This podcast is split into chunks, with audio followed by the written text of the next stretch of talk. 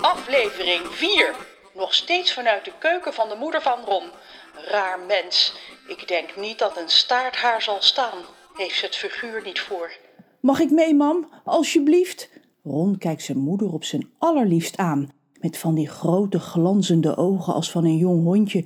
Zodat zijn moeder vertederd moet glimlachen en zal zeggen... Natuurlijk mag jij mee, jochie. Maar haar mond bezwijkt niet onder zijn smekende blik en blijft een streng streepje. Ik weet niet of het verstandig is om je mee te laten gaan naar een oplichter. Je vorige uitje heeft heel veel gedoe opgeleverd, weet je nog? Ik wil niet weer de politie achter je aansturen. Dat had ook helemaal niet gehoeven, zegt Ron teleurgesteld. Ze weet nu toch dat Reus hem niet had ontvoerd en dat zij en zijn vader voor niks de politie hadden gebeld. Kraai noemt de heilige Kaka een oplichter, maar misschien is hij dat helemaal niet. Als mensen betalen en daarvoor echte kraaienkracht krijgen, is er toch niks aan de hand? Er is een regel, Ron, een heel belangrijke regel, zegt Kraai, terwijl hij zijn vrienden nakijkt die van de vensterbank zijn opgestegen en nu met het juiste boodschappenlijstje terugvliegen naar het Salpeterpark in Glamsterdam. Maar dat kun jij natuurlijk niet weten. Nee, natuurlijk weet ik dat niet. Jij vertelt alles maar half. Ron voelt zich steeds kwaaier worden. Van zijn moeder mag hij weer eens ergens niet naartoe en Kraai werkt hem op de zenuwen met zijn vage verhalen. Kraai vliegt naar het aanrecht en landt in de gootsteen. De kraan drupt en hij gaat eronder zitten. Plop, een druppel landt op zijn kop. En daarna nog een. Kraai sluit zijn ogen. Hé, dat helpt.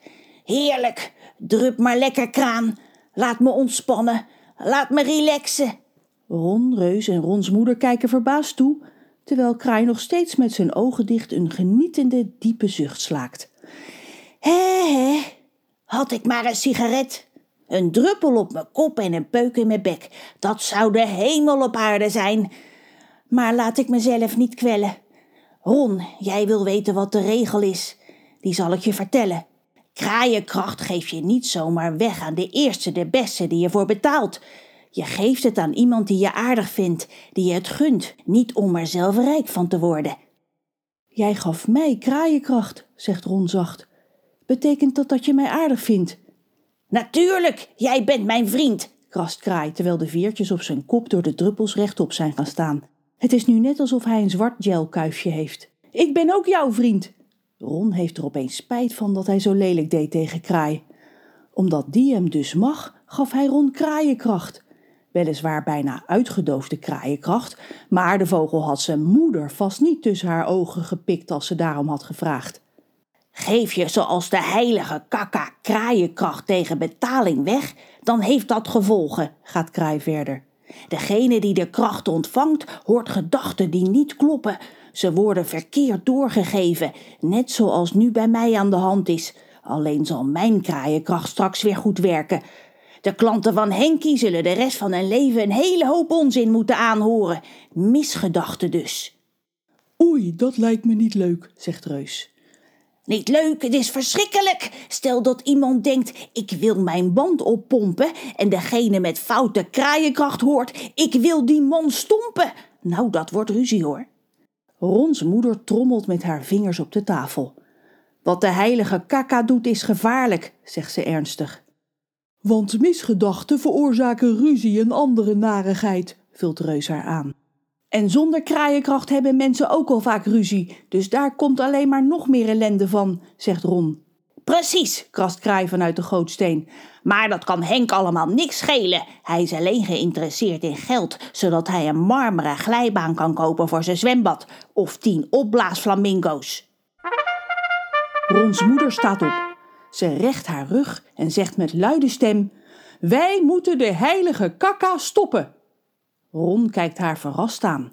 De heilige kakka stoppen? Hoe zou ze dat willen doen? Ik weet nog niet hoe, gaat ze verder, alsof ze Rons gedachten heeft gehoord en dat zonder kraaienkracht. Maar dat zien we wel als we in Zweventer zijn. Reus ziet er ineens heel vrolijk uit. We gaan met z'n allen naar de heilige kakka, roept hij. Dus ik ook. Ron maakt alvast een ronde dansje om de tafel, ook al heeft zijn moeder nog niet meegedeeld dat ook hij mee mag. Jij ook, want je vader is op zakenreis en ik kan niet zo snel een oppas voor je regelen. En Ron springt van blijdschap nog wat hoger. Kraai fladdert onder de kraan vandaan en schudt de druppels van zijn veren. Ik vind het een heel goed idee om die criminele kraaien een lesje te leren. Zolang ik maar mijn nieuwe dosis kraaienkracht krijg. Nou, wanneer gaan we? Nemen we nog wat te eten mee voor onderweg? Ik heb trek in een boterham met braamjam. Beste luisteraars, ik heb dit verhaal met stijgende verontwaardiging aangehoord. Dat kraai een onderhoudsbeurt nodig heeft, prima. Dat ze de heilige kaka willen laten ophouden met het verkopen van kraaienkracht, bravo. Maar dat dat mens meegaat, die moeder van Ron, dat loeder, dat reus van mij wil afpakken, dat is een drama. O reus, denk toch aan je verloofde. Rons moeder kan vast niet zulke mooie rode pantoffels breien als ik. Oh, ik zie nu al als een berg op tegen de volgende aflevering. Dit is de Bond van Ouders tegen Rokende Kraaien. We vinden dat in deze podcast moet worden ingegrepen. Kraaien die roken zijn een slecht voorbeeld voor kinderen en daarom hebben we de verteller dringend verzocht in te grijpen. Anders zullen wij de podcast Ron Willem Tattoo aanklagen. Oh, oh jee, dat is vervelend. Als ik voortaan nou dit doe, eerst laat ik horen hoe het normaal gaat als kraai aan het woord is. Ik wil een peuk! En dat wordt dan Ik wil een... Dat is al een hele verbetering, maar we houden u in de gaten. Nou, verteller, jij gaat het nog moeilijk krijgen. Ik laat me niet wegpiepen. Nicotine... Ron Willem Tattoo is geschreven en geproduceerd door Margot de Graaf.